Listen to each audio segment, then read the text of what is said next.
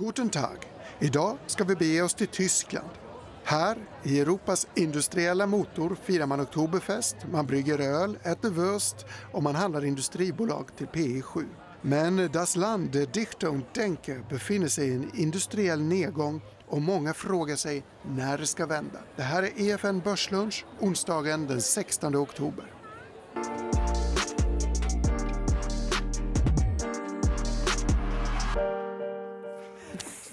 Ja, välkomna, välkomna. Tyskt tema idag, som sagt. Och lite nordiskt ska det bli. Ja, index handlas mellan, kring nollan idag. och Vi är ju väldigt glada över att ha Cecilia Ovre i studion och Ulrika Enhörning. Välkomna. Tackar. Ja, ganska mycket vinstvarningar på sistone. Eh, vacker kemi här. Om idag med vinstvarning. Om Vad säger du om den? Nej, men det är mycket cykliska bolag generellt som eh, vinstvarnar. Inte bara i Tyskland, utan vi har sett det från UK och övriga Europa också. Men det är framförallt inom det cykliska så har det inte sett kul ut eh, de sista dagarna, veckorna. Inte vackert för vacker kemi, måste du säga. Ja, vacker Okay. Eh, Neil Fisk, också, apropå Norden. Ja, Neil Fisk kom idag. Och det är bara en i en lång radda. Vi har haft alla möjliga länder och branscher som har vinstvarnat i Norden. Det är Rovio i Finland och Novozymes i Danmark. Och eh, det är Wärtsilä, XSL. Det kommer från en mängd olika sektorer och en mängd olika länder. Så att, nej, det, vinstvarningarna rullar in, tyvärr. Det passar ju väldigt bra. för Vi ska ju har en väldigt, väldigt dystert anslag eftersom vi ska prata Tyskland. Vi har lite tidningsrubriker bakom oss där man ser eh, hur illa det går för industrikonjunktur och annat. Eh, och det har liksom aldrig tagit slut. Om vi tittar på den här grafen så ser vi ett aktivitetsindex. Ett av många nedåtpekande pilar. Det här är Goldman Sachs egna aktivitetsindex. Tyskland är sämst i Europa och ja, snurr på världen. För inte så länge sen var Tyskland bäst i klassen i Europa. Men just nu är det lite mörkt. Mm. Men mycket hänger ändå på bilindustrin och, och den tunga industrin och exportbolagen. Det är så viktigt för tyskarna. Mm. Så att, eh, går det dåligt så går ju hela Tyskland dåligt. Finns det ingen ände på på misären. Jo, men jag brukar säga det. Att det är så vanligt att man eh, säger att man, man ser inte skogen för alla träden står i vägen. Så att när det ser som svartast ut så kanske det faktiskt är dags att börja fundera på kan vi se någonting annat. Kan vi tänka oss ett annat scenario framöver? Det är inte helt omöjligt. Bottenfiske? Skulle kunna vara det. Man ska ändå komma ihåg att många av de här aktierna har gått fruktansvärt dåligt. De har vinstvarnat ett par, tre gånger och kurserna har halverats eller mer än halverats i många fall. Värderingsmultiplarna är också låga. Så att, eh, om vi, det sista steget är att vi, jag vill gärna se att på vinstvarning att kursen inte ska gå ner längre. Då tror jag absolut att det är dags att köpa. Det är bra tecken. Alltså. Mm. Cecilia, du är ju Nordenförvaltare först och främst, även om du kan mycket om många områden. Mm. Tyskland är ju liksom industrimotor och exportområdet för alla dina nordiska innehav. Så du drabbas ändå. Jo, man gör det lite indirekt. Tyskland är ju liksom Sveriges eh, typ största handelspartner. Det finns en enormt många tyska dotterbolag, svenska dotterbolag i mm. Så det är klart att det drabbas. Men jag tror att, att tittar man börsmässigt och proportionen tysk försäljning i de nordiska börsbolagen så är inte den jättestor. Men Tyskland är ett symptom på att Kina och USA bråkar med varandra. och Tyskland är bara ett symptom på hela den globala ekonomin. Och det drabbar ju nordiska cykliska bolag ganska mycket. också. Så att det gör det. Ska vi titta lite närmare på den tyska industrin? Du har med dig den tyska industribananen. Vad är det? den har jag inte hittat på själv. Utan det här är från eh, svensk-tyska handelskamrarnas eh, hemsida. Och där man då vill highlighta att, eh, av någon anledning att Tyskland har en industribanan. Men...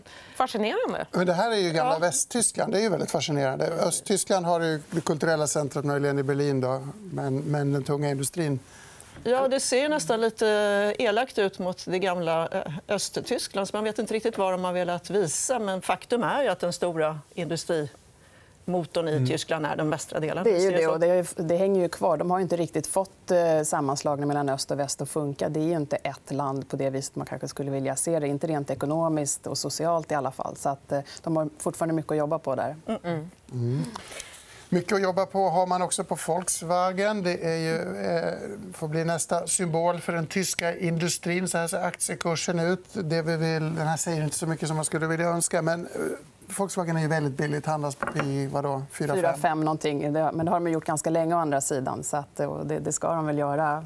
Men de är i alla fall positiva kassaflöden och visar vinst. Det är alltid någonting. Men det är en väldigt tuff industri.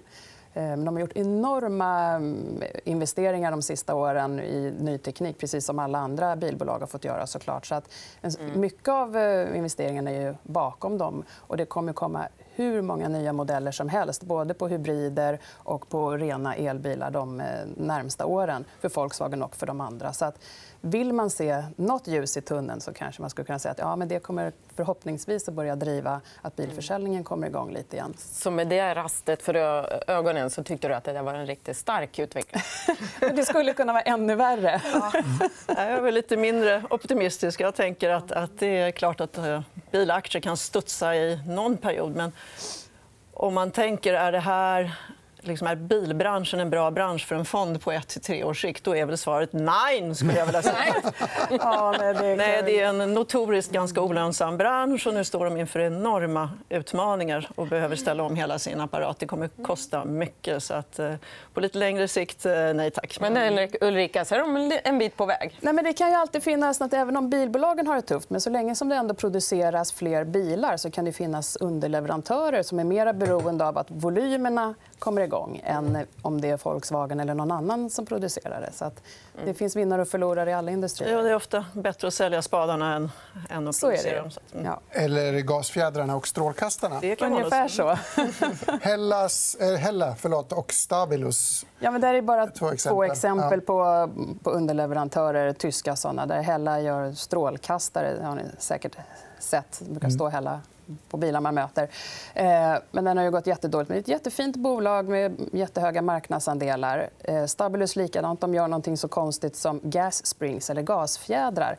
Eh, jättemärklig liten sak som ni ser här bakom. Men eh, ska man öppna dörrar så behövs såna där för att de inte ska blåsa igen. Och vill man ha automatisk dörröppning på bakluckan trycker man på en liten knapp. och Då behöver man också en variant av de här. Så att, och de har jättehöga marknadsandelar inom det också. Ett fint bolag, 15% marginal trots att det är dåliga volymer. Så att, eh... Det kan vara två aktier att hålla koll på. Alltså. Ja, menar, de har vinstvardag båda två. Så att, eh, flera gånger dessutom. Så att det, det kan vara läge. Det ringer i Ulrikas klocka. Det, kan ja, men det är i alla fall värt att kanske titta lite på dem. För Det är ändå fina bolag i grunden. Mm. Köper du resonemanget att underleverantörsledet är annorlunda än övre delen av kakan? Där finns det bolag som har bättre avkastning mm. på kapitalet. Det gör det. gör det. Mm, mm.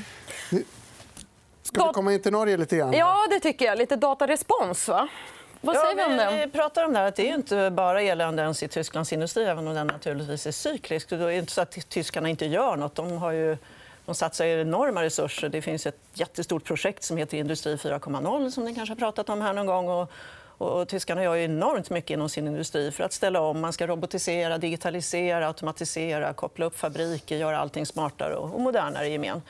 Och då har vi faktiskt ett bolag i Norge som inte är jättekänt som jag tyckte kunde vara roligt att prata om här idag. Mm. Och de är jätteduktiga på sånt här. De är konsulter och alltså hyr ut sina personer för att hålla på med forskning och utveckling. Det är två tredjedelar av affären. Och eh, även konsulttjänster och solutions, som man kallar en tredjedel av affären. Och det som är spännande idag är att de har faktiskt en fjärdedel av sin försäljning i Tyskland. Och de är, det är inte alltid elände i Tyskland. Utan de ska inte säga att de täljer guld, men de har väldigt, väldigt bra just nu efterfrågan i Tyskland. Jag tror till och med att Tyskland är den snabbast växande marknaden. Ja, det är jättesnabbt. De tog ett stort 225 miljoners kontrakt. Jag tror att det är det största kontraktet Datarespons någonsin har tagit just i Tyskland för inte så länge sedan. Och det här är eh, grundat för ett 20-tal år sedan av, av två norrmän. Och det har vuxit med ja, närmare 17% i 18 år.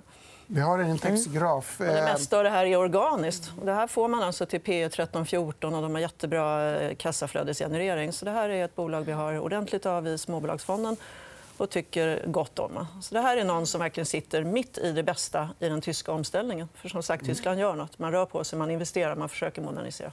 Och de här är väldigt duktiga på att ta betalt per konsult. Ja, de är duktiga på att ta betalt överhuvudtaget. Nej, men de har 12 de eh, rörelsemarginal. Det är, det är rätt okej i den här branschen. Vi kan väl notera att eh, Datarespons vd faktiskt har varit här i Börsbörsstudion. Ja, den som gräver i arkivet hittar mer om Datarespons där. Vi ska stanna inom sektorn. tänkte jag. Ditt case, Ulrika, heter RIB Software. Det råder lite av en oktoberfest i kursuppgången i år. i alla fall. Tar man en längre graf ser det kanske inte lika kul ut. Här har vi den i blått. Ja, nej, men, inte så muntert ut. Nej, det är, men det är ofta så där, där är ganska mycket en startup-fas redan. Och det blir ofta så där när, när det kommer den typen av bolag att det blir lite upphaussat i början. Sen kommer verkligheten ikapp och folk blir lite oroliga. Och sen när man börjar närma sig att man faktiskt kan börja räkna lite på bolag och så, där, så ja, men då börjar kursen stabiliseras mm. och man kan börja få en fin utveckling igen. Då. Men eh, det är ett ganska kul bolag. för att Byggbranschen har ju ändå varit ganska så underdigitaliserad ja, för alltid. skulle jag väl säga. Eller man kanske har haft det inom vissa delar, men inte för ett helt projekt. Så det de här gör är att eh, om du har en eh, byggritning i 3D och sen så kopplar du på allting vad gäller eh, finansiella målen Eh, själva produkterna när de ska levereras ut till bygget.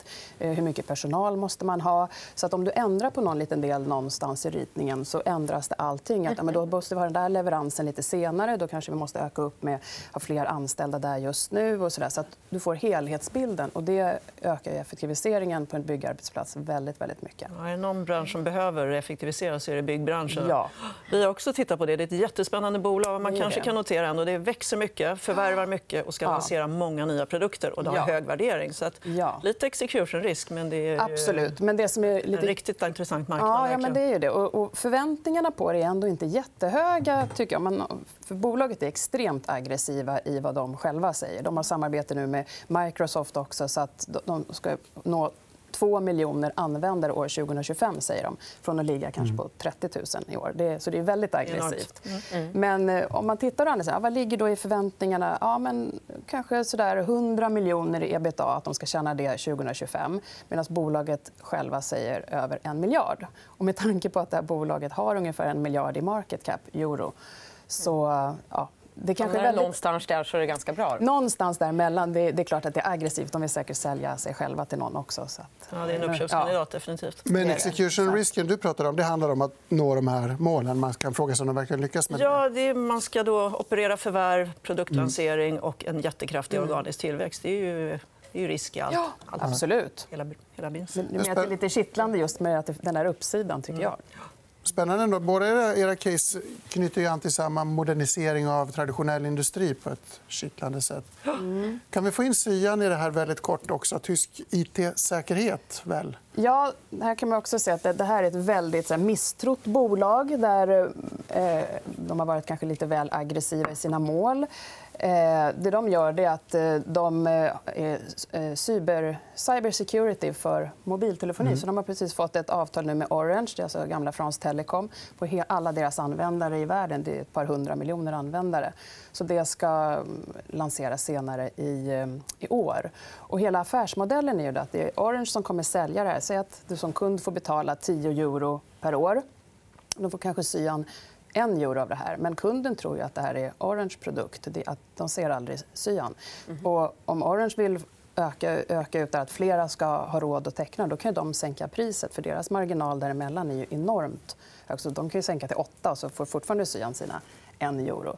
Men det här är så extremt skalbart. för att det, det, Ju fler användare har, det kostar inte mer för cyan utan det är bara pengar rakt på bottom line. Och tror man ungefär på vad vad de själva säger att de kommer kunna tjäna om ett par år, då är det P8.